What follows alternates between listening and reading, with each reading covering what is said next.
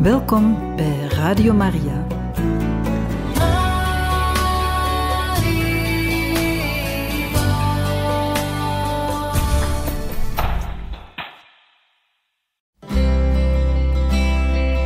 Welkom bij Boekat, een programma van Radio Maria.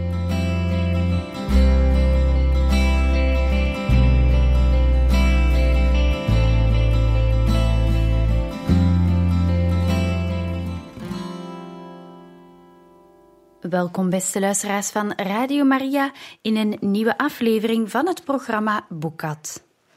We lezen verder uit het boek De Dief van Korinthe, een boek van Tessa Afshar. We zijn aangekomen aan hoofdstuk 9. Justus en Servius vertrouwden Theo zwaardere verantwoordelijkheden toe. Hij reisde meer soms samen met Justus en soms met een van Servius' bedrijfsleiders, om hun bedrijf beter te leren kennen. Op een zeldzame ochtend verraste Theo me door binnen te vallen in mijn klas met jonge vrouwen. Ik vond hun reactie op zijn aanwezigheid amusant. De lippen getuit, de rug recht, haar over de schouders gegooid. Wie bestuderen jullie? vroeg hij, terwijl hij een boekenrol opende. Ovidius en Seneca, zei ik. Nou ja, zij bestuderen ze, bekende vierde. Ik probeer alleen nog te lezen. Theo knikte meelevend. Latijn kan een uitdaging zijn. Claudia vroeg: Wie is je filosofiedocent? Abantes, zei Theo. Claudia kreunde. Die oude paljas. Mijn neef heeft een keer tegen hem gezegd dat hij betere lierles kan gaan geven. Hij kan geen lier spelen, zei Theo. Hij kan ook geen filosofie onderwijzen. Dat is voor hem geen beletsel. Theo grijnsde. Ik vroeg me af of hij wist welk effect die joviale lach op Claudia had.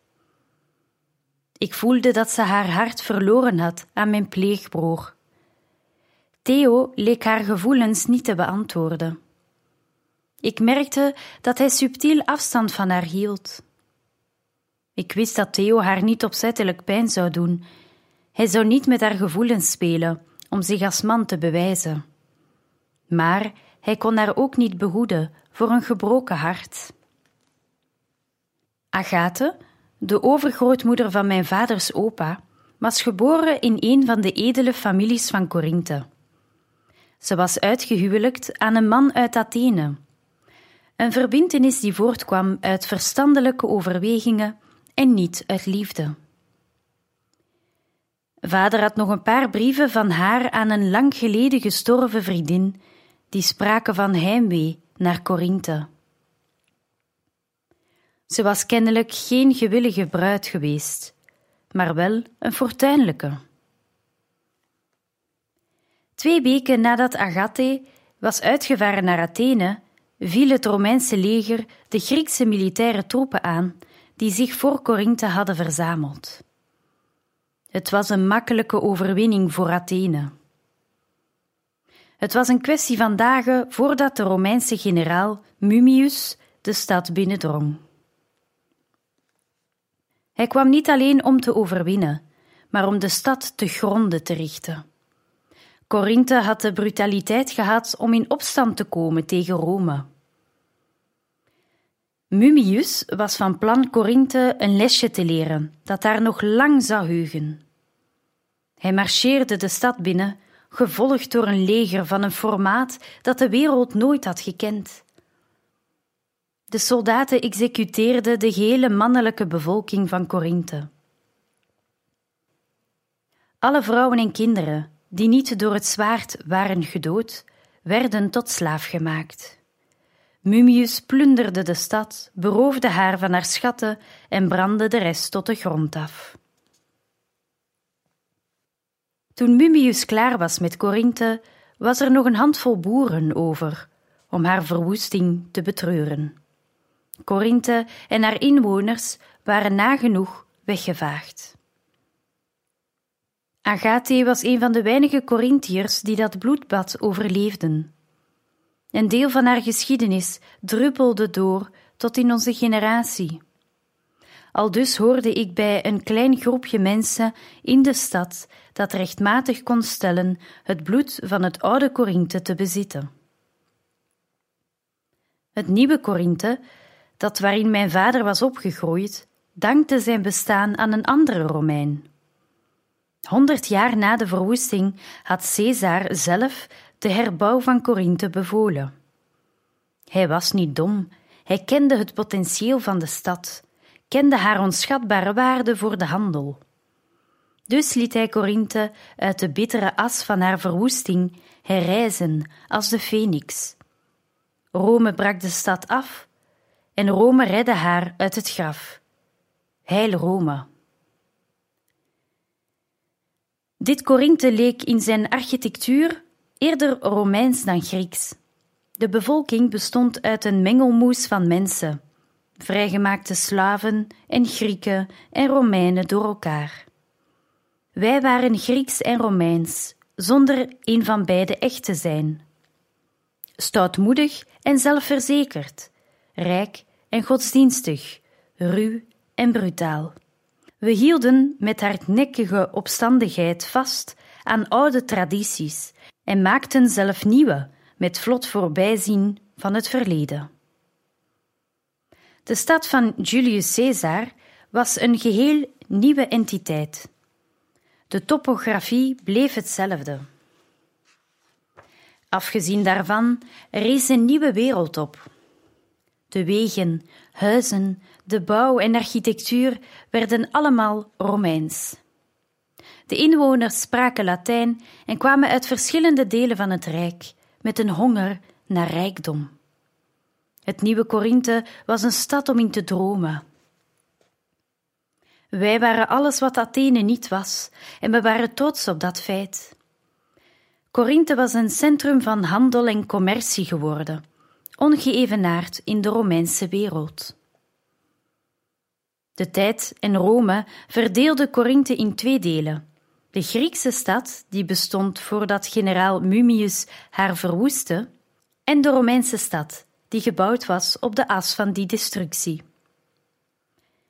Ik had veel gemeen met de stad van mijn geboorte.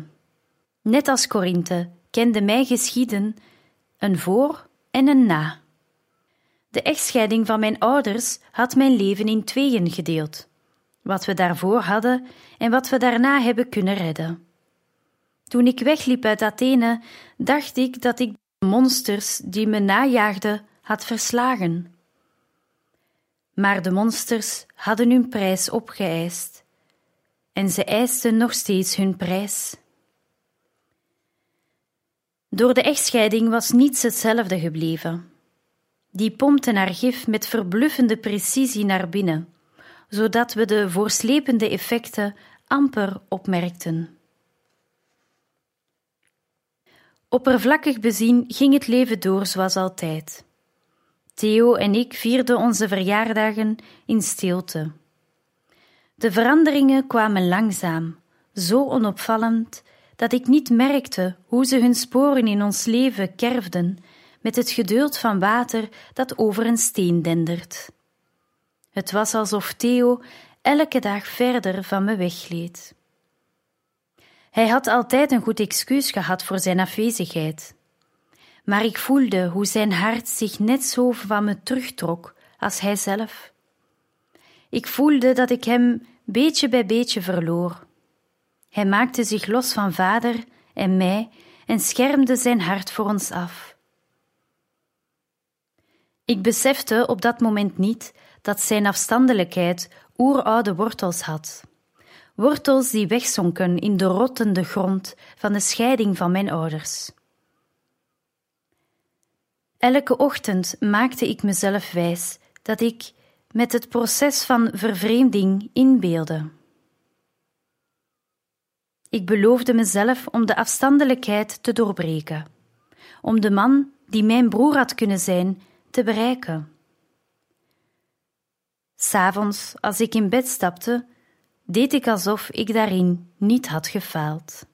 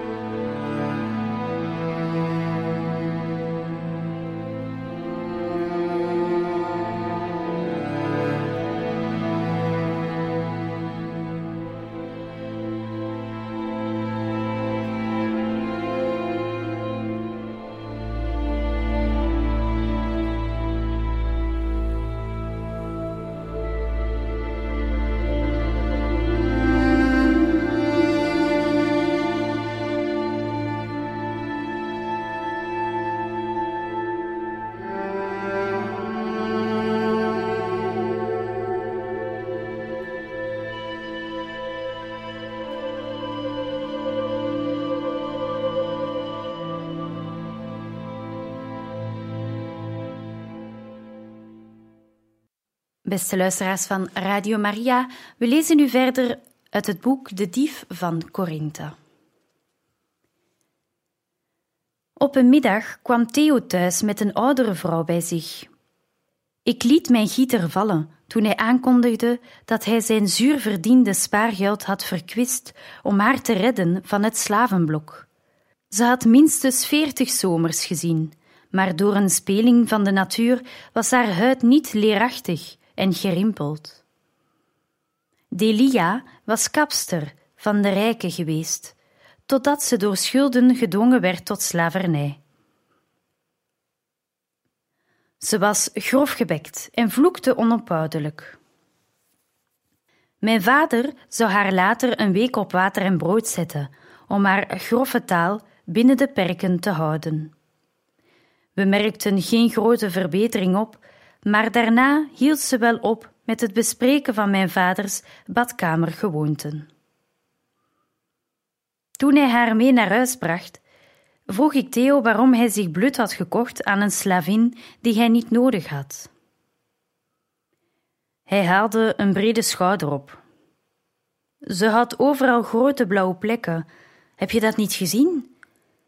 De slavenmeester, die haar eigenaar was, staat bekend om zijn vreedheid.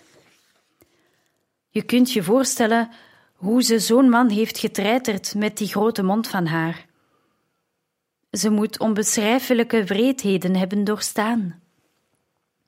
Heb je haar daarom gekocht, vanwege die blauwe plekken? Goden, Theo, de slaven zullen je fantastisch vinden. Die hebben honderden striemen en wonden niet iedereen is zo vriendelijk voor zijn slaven als wij.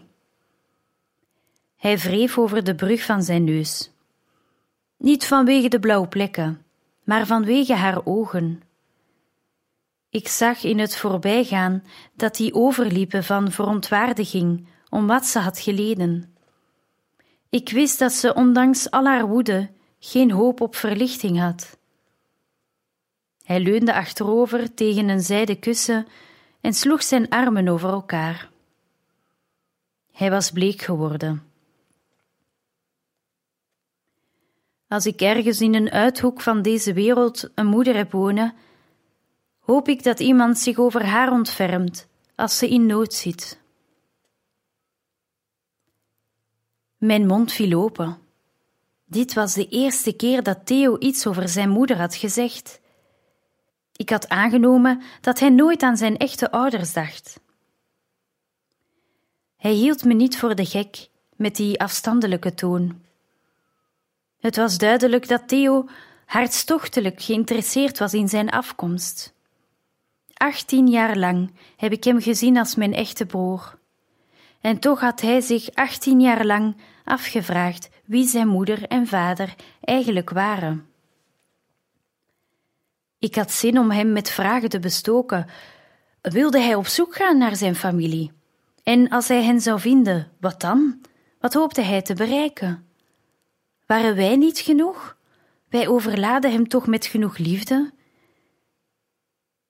Eén blik op zijn gezicht en ik wist dat ik me niet verder moest wagen. Hij had de deur op een kier gezet en toen dichtgegooid. Ik slikte mijn vragen in en lag de hele nacht klaar wakker na te denken over mijn Theo, die naar zijn moeder verlangde. Ik was aan het trainen op het braakliggende landje toen Theo tot mijn blijdschap naar me toe kwam, met een zak druiven onder zijn ene arm en een kruik water onder de andere. Dankbaar gooide ik een paar slokken water achterover en daarna daagde ik hem uit voor een wedstrijdje. De jaren vielen weg toen we naast elkaar stonden, in onze oude kleren, de knieën gebogen, de armen klaar. We waren weer kinderen, zonder de ingewikkelde problemen van de volwassenheid, zonder de complicaties van ons gekwetste hart. Tot de oude boom en terug, zei Theo, en daar gingen we. Ik versloeg hem met slechts een klein verschil. Door wat hij had gedaan om zich op het wagenrennen voor te bereiden, was zijn snelheid vergroot. Je bent beter geworden. Vroeger liet ik je in het stof bijten. Ik pakte een trosje druiven uit de zak en stopte er een paar in mijn mond. Heb je zin om te klimmen? Hij lachte. Alleen als je me optrekt. Het was voor mij geen uitdaging om in de vijgenboom te klimmen. Ik vond houvast voor mijn handen en drukte mijn tenen in de holten en over uitstekende knoetsten. Binnen enkele ogenblikken hees ik me in het gebladerde. Met een stevige, maar dunne tak in mijn knieholten hing ik ondersteboven naar de grond met mijn handen los. Theo pakte mijn polsen en ik trok. Ik was geen verfijnd bloempje. Door de constante training was mijn lichaam veranderd in een harde spiermassa. Maar Theo woog veel meer dan ik, en het viel niet mee om hem helemaal naar boven te hijsen. Mijn armen en buik trilden toen hij naast me zat. Wat heb je gegeten? Ik snoof. Stenen? Theo stompte met een vuist tegen zijn borst. Hard als steen.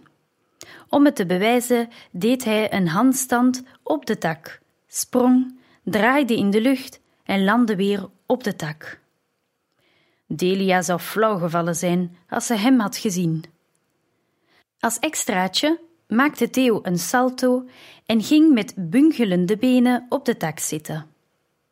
Ik schoof op tot ik over hem heen stond, hield me in balans om diep adem te halen en sprong naar beneden. Ik draaide in de lucht en greep zijn bovenbenen vast om niet te vallen, bleef een ogenblik aan zijn benen zwaaien en sprong toen veilig op de grond. Nauwelijks was ik geland of ik maakte weer een salto, vloog zo hoog als ik kon en greep Theo bij zijn enkels. Ik bleef aan hem hangen tot hij zijn voeten optrok, met zijn benen uitgestrekt, recht als een plank. Ik liet los draaide een keer in het rond en landde veilig. Even later stond Theo naast me. Ik grijnsde opgetogen. Dit moeten we vaker doen. Hij haalde zijn schouders op. We zijn geen kinderen meer. Hij had me niet geschopt toen we aan de tak bungelden en salto's maakten in de lucht. Dat deed hij nu wel, met zijn woorden.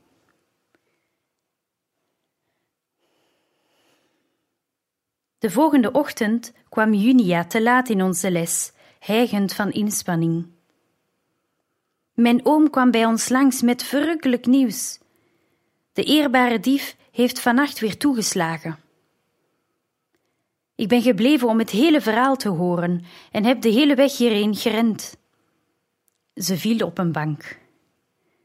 Dat had ik nog niet gehoord, riep Claudia uit. Is hij gepakt? Om de paar maanden waren de verhalen over de laatste kraak van de eerbare dief het gesprek van de dag in Korinthe. Behalve zijn slachtoffers was de bevolking dol op hem. Dat kwam voor een deel door de mensen die hij uitkoos om te beroven. Hij had een bijzondere voorkeur voor de rijkdommen van corrupte en gewetenloze mannen. Er gingen zelfs geruchten dat na iedere beroving een arme familie in Korinthe een anonieme gift kreeg. Ik geloofde dat er in de meeste geruchten meer fantasie dan waarheid zat. Maar ik genoot net zo van de verhalen als iedereen. Hij is zoals altijd weggekomen en hij heeft zijn gewone briefje achtergelaten, zei Junia, terwijl ze slierte blond haar uit haar gezicht plukte. Sinds het voorval met de naakte dame was de bandiet begonnen met het schrijven van korte briefjes over zijn slachtoffers. Ondergetekend met de titel De eerbare dief. De brieven hadden altijd een verrukkelijk satirisch randje en waren een populaire bron van vermaak geworden. Ze waren in het Latijn geschreven en er werden vaak literaire grootheden in aangehaald. Ze vonden midden in de nacht hun weg naar een publieke zuil in de stad. Als het ochtend werd, las de vrolijke massa de inhoud voordat er een beambte bijkwam om de brief te verwijderen. Op die manier werden de slachtoffers twee keer beroofd: één keer van hun goederen en daarna van hun waardigheid. Geen wonder dat de dief in Korinthe de status van held had verworven. Maar degenen die hij benadeeld had, waren invloedrijke mannen, met genoeg macht en middelen om de doodstraf te garanderen, mocht zijn identiteit ooit worden ontdekt. Wat zei hij? vroeg Claudia. Wie heeft hij beroofd? voegde ik eraan toe. Hij heeft Gaius Orestes beroofd, de man wiens vrouw hem de titel van eerbare dief heeft gegeven. Mijn mond viel open. Nog een keer? Junia grinnikte en toonde haar innemende kuiltjes. Hij legde het uit. Zijn brief begon met een citaat van Heraclitus. Geen mens stapt ooit twee keer in dezelfde rivier, want het is niet dezelfde rivier en hij is niet dezelfde man. Dus je hoeft me er niet van te beschuldigen dat ik je twee keer heb beroofd. De eerste keer nam ik je af wat je van velen had gestolen. Dit keer beroof ik je van wat je hebt afgenomen van één, je eigen goede vrouw. Zijn vrouw? Hij is verliefd geworden op een andere vrouw, schijnt het, en stond erop van zijn vrouw te scheiden. Zij had geen keus in de kwestie. De rechtbank stond aan zijn kant. Erger nog, hij weigerde haar het volledig bedrag van haar bruidschat te betalen, waar ze recht op heeft. Hij zei dat ze te oud was geworden en dat de bruidschat daarom werd verminderd.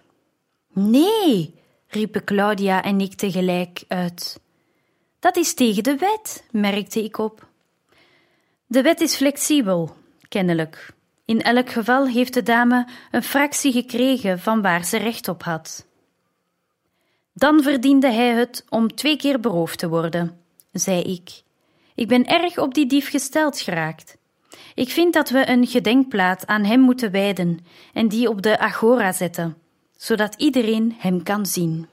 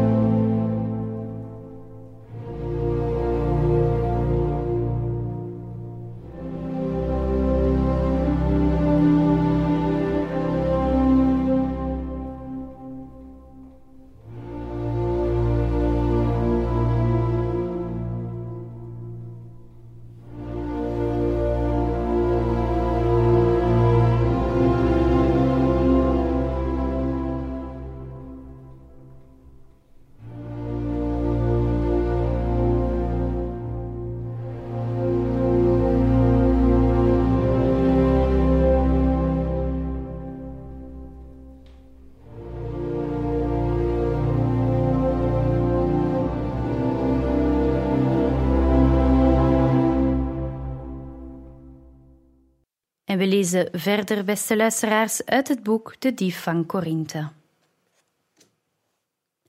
De Ismische Spelen naderden. De gedachte voor het oog van duizenden mensen te moeten strijden begon me te drukken. Op een avond kon ik niet slapen van ongerustheid en ik besloot een tinctuur van valeriaanwortel klaar te maken om me te helpen ontspannen. Hoe had ik kunnen weten dat zo'n simpele onderneming mijn hele leven kon veranderen toen ik op blote voeten het atrium inliep? Halverwege de trap die van de bovenverdieping naar de binnenplaats leidde, zag ik mijn vader door het donker sluipen en door de zijdeur naar buiten glippen. Dit keer was ik vastbesloten hem te volgen.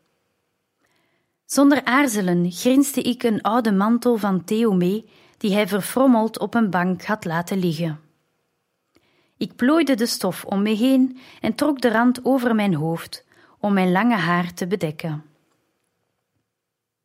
Ik was snel genoeg geweest om mijn vader bij te houden, en ik zag de omtrek van zijn lichaam toen hij snel een smalle laan insloeg. Ik probeerde een veilige afstand te bewaren, maar ondanks mijn geluidloze stappen moet hij gevoeld hebben dat er iemand achter hem liep. Twee keer draaide hij zich om en tuurde in het donker. Hij kon me niet zien en liep door. Ik liet de afstand tussen ons groter worden. Hij nam een ingewikkelde route met een voorkeur voor steegjes en zandpaden, boven geplaveide wegen. En we kwamen niemand tegen tijdens onze omslachtige reis. De zelfverzekerde manier waarop hij liep, vertelde me dat hij vertrouwd was met zijn route, hoewel ik zelf iedere richtingsgevoel was kwijtgeraakt. Toen vader stilstond, drong het tot me door dat we aangekomen waren in een rijke buurt. Ik verstopte me achter een bosje. Tot mijn schrik bedekte hij zijn gezicht met een masker en klom behendig in een wilgeboom die op de straat groeide. Een villa was verbonden met een grote tuin en met een handige beweging sprong hij op de muur die de tuin omheinde. Hij greep de takken van een andere boom in de tuin vast en slingerde zich in het gebladerte. Ik ging plat op de grond zitten en vroeg me af of de hele wereld gek geworden was. Wat bezielde mijn vader om midden in de nacht op muren te klimmen? Hoe langer hij wegbleef, hoe ongeruster ik werd. Eindelijk verliet ik mijn schuilplaats en sloop naar de villa toe. Ik stopte mijn tunica en mantel in, klom in dezelfde wilg waar mijn vader in was geklommen en nestelde me in de takken. Ik legde mijn voorhoofd tegen een tak en overdacht wat me te doen stond. Wachten? Naar hem op zoek gaan? Terwijl ik aan de takken bungelde en probeerde te besluiten welke koers ik moest varen, die niet dodelijk zou uitpakken, hoorde ik rennende voetstappen door de bosjes. Een man schreeuwde: Halt! Jij daar! Stilstaan! Mijn hart bevroor. Mijn vader kwam op me afrennen, met op zijn hielen een grote man die een getrokken zwaard in zijn hand klemde. De man met het wapen haalde mijn vader snel in. Ik schatte vaders afstand van de muur en de tijd die hij nodig had om aan de ene kant in de boom te klimmen en de andere kant naar beneden. Hij haalde het nooit.